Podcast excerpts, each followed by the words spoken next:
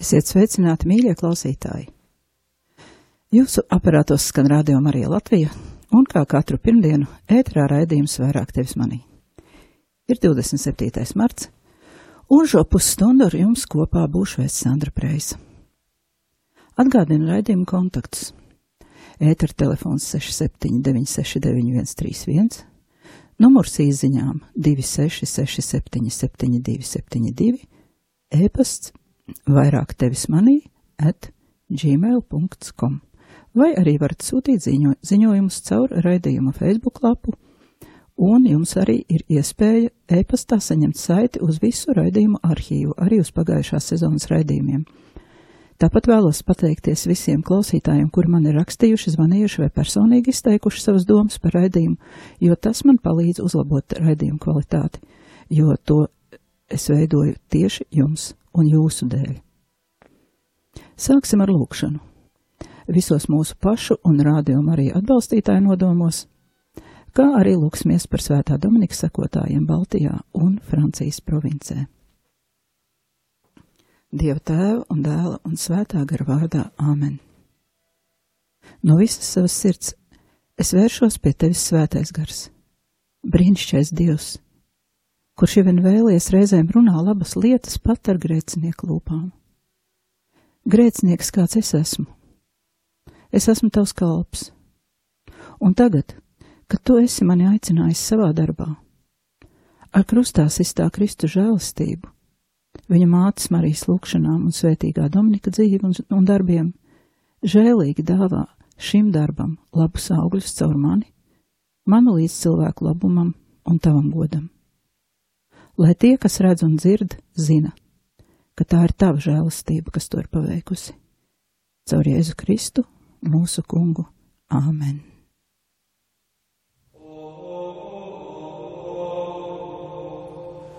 Mīļie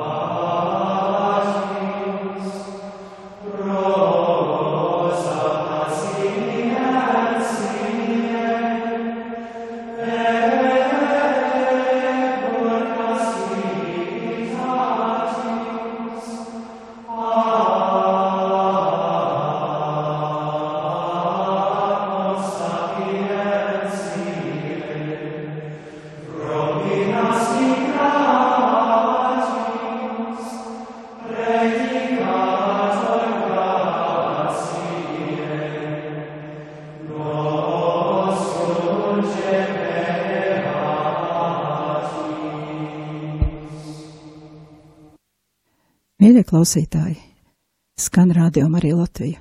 Raidījums vairāk tevis manī un studijā ar jums Sandra Preisa. Iepriekšējā raidījumā apcerējām pāvesta gavēņa vēstījumu galvenos punktus. Pirmais - cilvēks kā dāvana pats sev un citiem.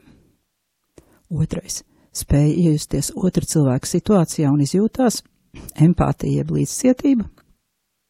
Un trešais - atvērtība uz Dievu caur svētajiem rakstiem, sakramentiem un lūkšanu. Mēs secinājām, ka dodot dāvanas, svarīgi ir nevis vispār dot, bet dot ar labvēlību, nepazemojot saņēmēju.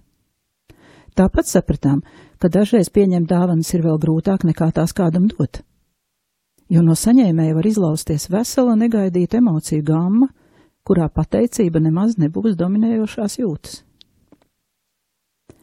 Tā kā dzīve ir mainīga un dažādos dzīves posmos mēs varam būt gan saņēmēji, gan devēji, tad ir svarīgi ieskatīties pašiem savos dziļumos, savās emocijās, savās patiesajās attiecībās ar Dievu un cilvēkiem un sevi sakārtot, lai mēs nepiedzīvotu izgāšanos vispirms jau paši savās domās par sevi un, protams, Dievu priekšā. Kamēr mums iet salīdzinoši labi, mūsu vājības īpaši skaļi sevi nepiesaka, un mums rodas ilūzija, ka, nu, ar mani jau gan viss ir kārtībā. Tieši marginālajās situācijās parādās mūsu dvēseles vājās vietas, netikumi un nespēja iegremdēties dievā kopā ar visu savu pārdzīvojumu, jūtām un emocijām. Tomēr šī sevis izpēte nekādā ziņā nedrīkstētu kļūt par sevis tiesāšanu. Jo atcerēsimies, lai gan esam grēcinieki, mēs esam vispirmām kārtām dieva dāvana paši sev, un dievs ir gribējis katru no mums pie tam speciāli tik ļoti dažādus, lai mēs nevarētu viens bez otra iztikt un veidot mīlestības saites, caur kurām dāvinām viens otram to, kas viņam trūkst, un savukārt citi mums dāvina to, kā nav mums. Tā visi kopā mēs varam kļūt līdzīgi Dievam, kurā ir viss un kurš ir visa avots. Tāpēc pirmā lieta, kur mums vajadzētu atmest, ir vēlēšanās sevi salīdzināt ar citiem un vēlēties iegūt to, kas ir citiem. Tā vietā ieskatīties sevī un līdz pilnībai izkopt savas dāvanas, vienalga, lai kādas tās arī būtu. Ja tās būs izkoptas līdz pilnībai, noteikti atradīsies kāds, kam tādu nav un kuram varēsim tās dāvināt, jo pilnīgi viss ir dāvana. Tīri notīrīta iela ziemas rītā, kad jāiet uz darbu garšīgs ēdiens darba vietas ēdnīcā, labi apgriezta mati frizētavā, ērta lietojama programma datorā, profesionāla apkalpošana veikalā. Tie ir izkoptu dāvanu rezultāti, kur pēc tam sagādā prieku citiem un iztiku pašiem, jo strādnieks ir savs algas cienīgs, kā atgādina svētie raksti. Šo sarakstu varētu turpināt bezgalīgi, jo viss ir dāvana bet saistībā ar žēlsirdības darbiem. Mums ir jāizceļ dažas svarīgas lietas, kuras būtu jāņem vērā kā devējiem, tā saņēmējiem. Pirmkārt, dāvana nāk no labvēlības, no dāvinātāja labās sirds. Otrakārt, dāvanai nav nekāda sakara ar saņēmēju nopelniem. Treškārt, dāvana var būt kaut kas, kas saņēmējam tajā brīdī var likties nesevišķi vajadzīgs. Ceturtais. Nevienam nav pienākuma mums kaut ko dāvināt. Piektais. Mums nekas nepienākas un neviens mums neko nav parādā pēc definīcijas. Tai vajadzētu būt vispārējai dzīves nostājai. Protams, atskaitot gadījumus, kad slēdzam kaut kādus darījumus, bet tam ar dāvināšanu nav nekāda sakara. Šāda nostāja mūs var pasargāt no skaudības un salīdzināšanās. Ja kāds spēj nopelnīt vairāk nekā mēs, viņš nav parādā tiem, kur to nespēja. Ja ar mani nedraudzējas kāds, kurš man ļoti patīk, nu žēl, bet tur neko nevar darīt, jo arī draudzība ir dāvana, un dāvana nevar pieprasīt. Ja nespējam aiz dāvanas saskatīt dāvinātāju labo sirdi un sajust pateicību savā sirdī, tad kaut kas nav kārtībā ar mums pašiem un nevis ar dāvanu vai ar dāvinātāju. Un vēl viens punkts. Ja dāvanu sniedzam vai mums sniedz tāpēc, lai nebūtu jālūdz piedošana par kaut kādiem neglītiem darbiem, tad tā nav dāvana. Attiecīgajā situācijā kaut ko tādu drīkst arī nepieņemt. Viss atskaitot šo pēdējo punktu, attiecas gan uz dāvanām, kuras saņemam no Dieva, gan uz tām, ko saņemam no līdzcilvēkiem, gan arī uz pašu Dievu, kurš mums dāvina sevi un, līdz, un uz līdzcilvēkiem, kuri ir dāvana mums, kā par to runā pāvests. Pēdējais punkts ir tirgošanās, pat zinām veida krāpšanās, un kaut ko tādu var izdomāt tikai cilvēki. Dievs tā nedara. Protams, ka mums, kā jau parastiem cilvēkiem, nevis pārcilvēkiem. Nevienmēr ir skaidrs, pēc kādiem kritērijiem novērtēt, vai mūsu darbības būs patīkamas citiem cilvēkiem un dievam. Tādā gadījumā varam paši uzdot sev dažus jautājumus. Ko Jēzus vai visvētākā jaunā Marija vai svētais Jāzeps darītu šajā situācijā? Vai es dodu it kā es dotu Jēzum, vai varbūt es dodu kā pats Jēzus dod? Vai es saņemu it kā Jēzus to man dotu? Vai arī saņemu tā, kā pats Jēzus saņemtu?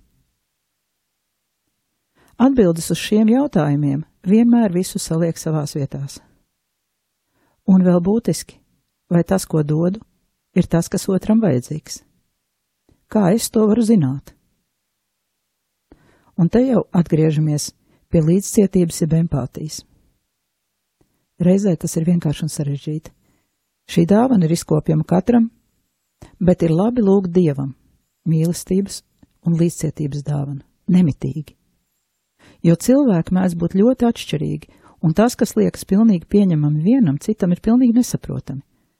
Darot mīlestības darbus, ir svarīgi sajust, kā to uztvers tas otrs cilvēks, un nevis vai man pašam tas patiktu.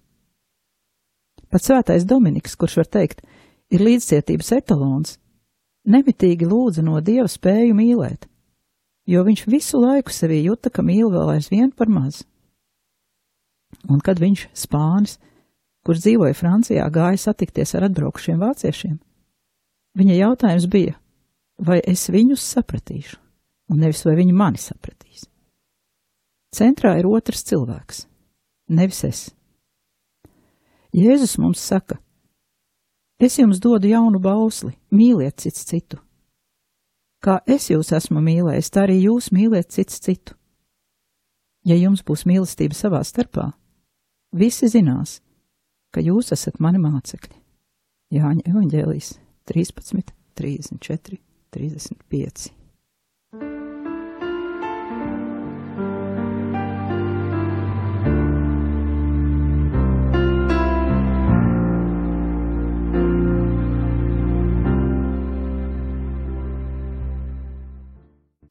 Tagad palasīsim fragmentus no grāmatas, kur ir sarakstīta 14. gadsimta beigās, drīz pēc Katrīnas no Sienas nāves.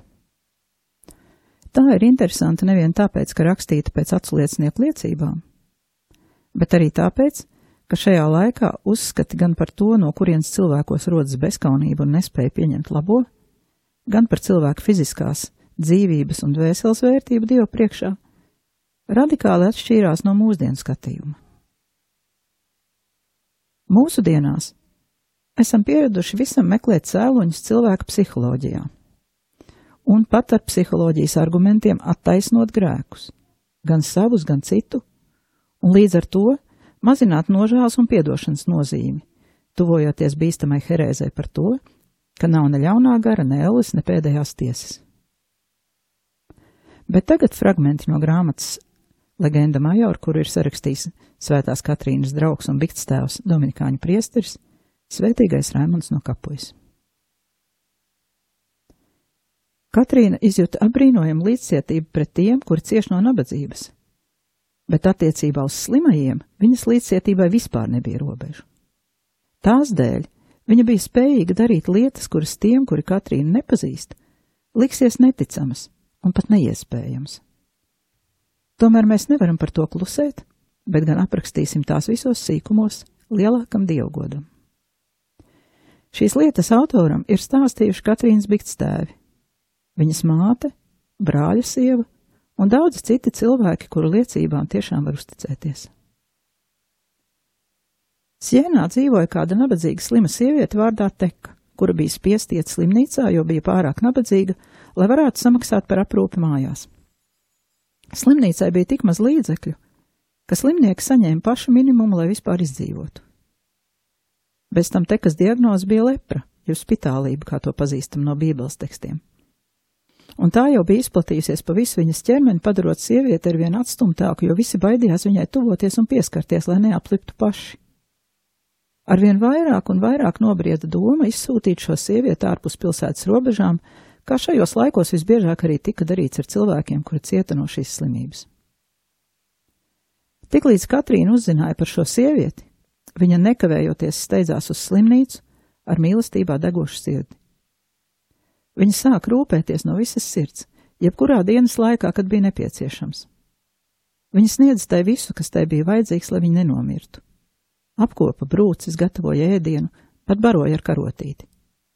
Viņa rūpējās par sievieti tā, it kā tas būtu viņas debes līgavainis. Lai arī viss, ko darīja svētā jaunava, nāca no viņas augstajiem tikumiem, slimnieces prātā sāka pieaugt lepnība un nepateicība. Tā patiešām bieži notiek, ka cilvēki, kuri savā dzīvē nav piekopuši tikumus un it īpaši pazemību, kļūst lepni brīžos, kad viņiem būtu jākļūst pazemīgiem un apvaino un nolāda tos, kuriem vajadzētu pateikties. Tā notika arī ar šo slimo sievieti, kur atbildot uz svētās jaunās pazemību un mīlestību, sāk uzstādīt augstprātīgas prasības un viņu pazemojoši apsaukāt. Viņa sāka pieprasīt kā pienākumu to, ko saņēma vienīgi Katrīnas neizmērojamās līdzcietības dēļ.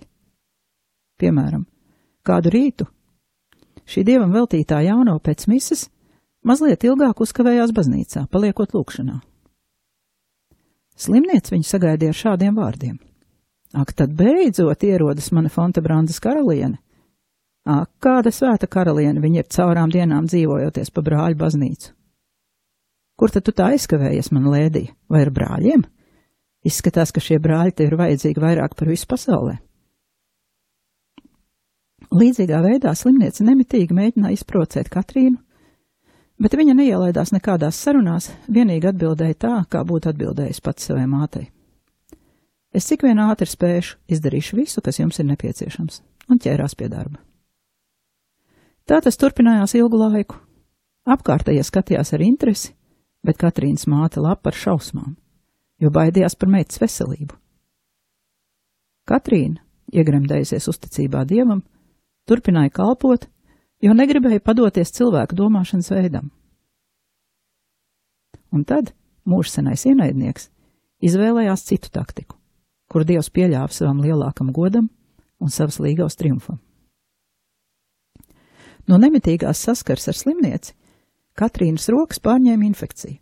Tās izskatījās, kā parasti izskatās lepras slimnieku rokas. Taču jaunava neļāva šim faktam kaut kā ietekmēt to, ko viņa darīja. Viņa nepamestu šo darbu pat tad, ja viss viņas ķermenis pārklātos ar brūcēm, kamēr vien viņas darbs bija patīkams mūžīgiem līgavainim. Bet tas, kurš pazemina augstprātīgos un paaugstina pazemīgos, un rūpējas, lai tiem, kuri viņu mīl, visas lietas nāktu par labu, nevēlējās, lai Katrīnas slimība ietu plašumā. Slimniece neskatoties uz Katrīnas rūpēm, nomira neilgi pēc Katrīnas saslimšanas. Lai gan mirušās ķermenis izskatījās briesmīgi, Katrīna to rūpīgi nomazgāja, saģērba un ieguldīja zārkā, bet pēc apbedīšanas rituāla beigām pati savām rokām aizraka bedri. Tiklīdz viss bija padarīts, visas lepras pēdas pilnīgi pazuda no Katrīnas ķermeņa, un viņas rokas kļuva skaistākas nekā pirms slimības. Tās kļuva tik skaistas, it kā slimība būtu skaistumkopšanas līdzeklis, un āda bija veselīgāka nekā uz pārējā ķermeņa. Lasītāji, vai redzi, cik daudz tikuma atklājās vienā vienīgā žēlsirdības darbā? Tuvāk mīlestība visu tikumu karaliene, pazemība, kura palīdzēja panest visus pazemojumus, un pacietība, ar kādu jaunavu pieņēma savu saslimšanu. Protams, ka tas viss bija iespējams vienīgi īstā un patiesā ticībā, kura ļāva viņai ar ticības acīm skatīties uz līgavaini, kuram bija patīkama jaunavas dedzība, un nevis koncentrēties uz slimās sievietes rūpībām. Ir pilnīgi skaidrs, ka dziedināšanas brīnums bija šo daudzo tikumu auglis. Un vēl viens gadījums no Katrīnas dzīves.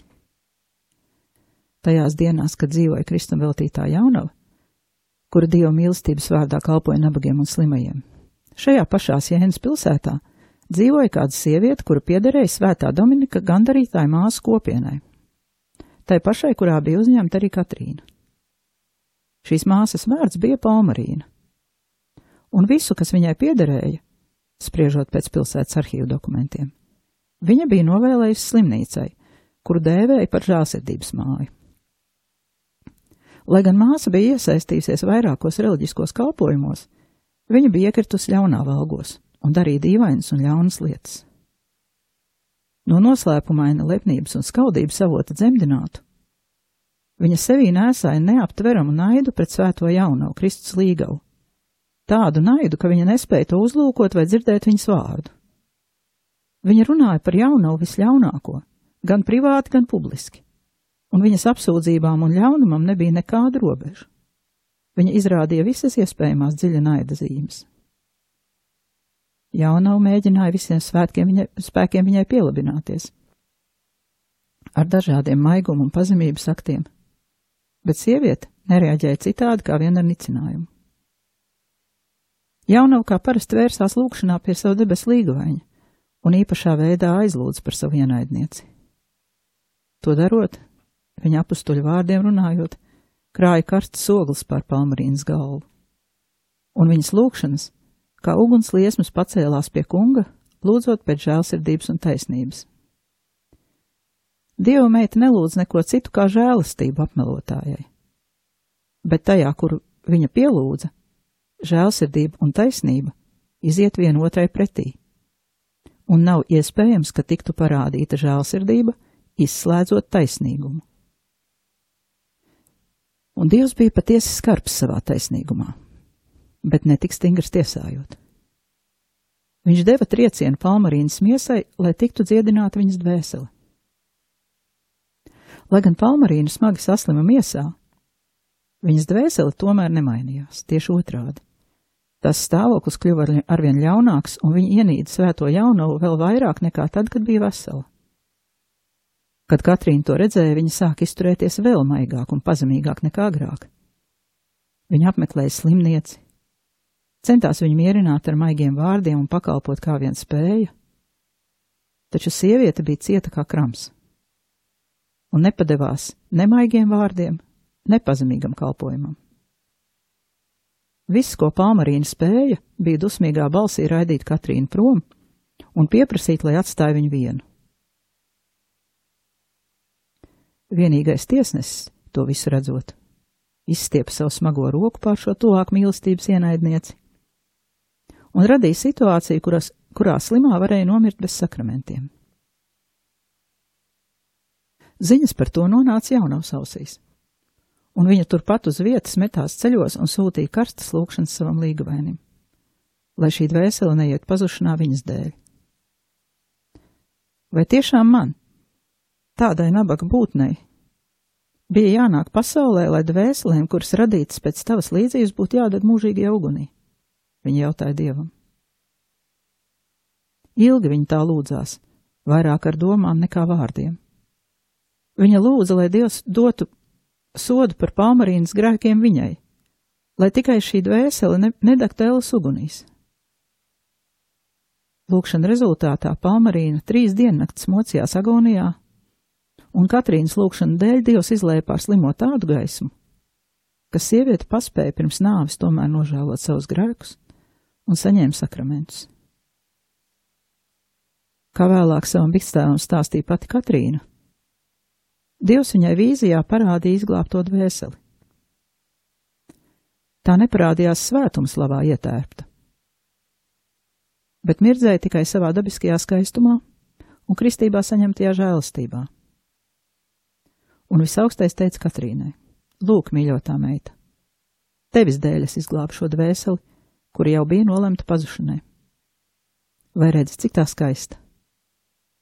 Ja es, kas esmu absolūtais skaistums, no kura iziet viss pārējais skaistums, izlēju savas asinis, lai glābtu visas dvēseles, cik gan daudz jums vajadzētu darīt vienam otra labā, lai šādas radības neietu pazušanā?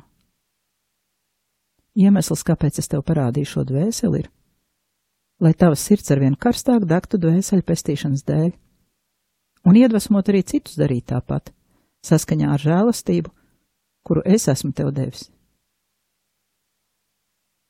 Citāta beigas. Šie teksti, lai paliek pārdomām nākamajai nedēļai, bet pirmais, kas man pašai lasot un domājot līdzi, radīja pārdomas, bija tas, ka mēs bieži īsti nesaprotam pazemību un noteikti esam dzirdējuši teicienu, ka pazemība rodas no pazemošanas. No tā izriet arī tas, ko pagājušajā raidījumā pieminēju, izkropļot teoloģiskā saprašana, ka cilvēks ir jāmoka, lai viņš kļūtu svēts. Bet šajā tekstā mēs dzirdam vārdus pazemība, kura palīdzēja panest visus pazemojumus. Tas nozīmē, ka Katrīna nevis kļuva pazemīga pateicoties ļaunumam, kas nāca no šiem cilvēkiem, bet gan pazemība, ko Katrīna jau bija sevi izkopusi, palīdzēja viņai panest visus pazemojumus, kuri nāca pār viņu. Otrais, kas atkal lasāms tekstā. Šo ļauno darbu avots nav grūta bērnība vai pagātnes ievainojumi, bet gan neizkopti tikumi un ļaunā garietekme. Trešais, ko redzam, ir dieva taisnīguma un žēlsirdības attiecības, un šķīstas dvēseles lūkšanas spēks. Katrīnas lūkšana izglāba dvēseli, kur dievs bija nolēmis pazudināt viņas grēku dēļ, jo tā spītīgi nevēlējās savus grēkus atzīt un nožēlot. Bet viņš izglāba to, jo tā tomēr nožēloja un lūdza piedošanu, un nevis attaisnoja pati sevi un pateica, ka īstenībā jau viņa neko sliktu nav darījusi. Dievs savā žēlastībā piedod un nevis attaisno. Tas nav viens un tas pats.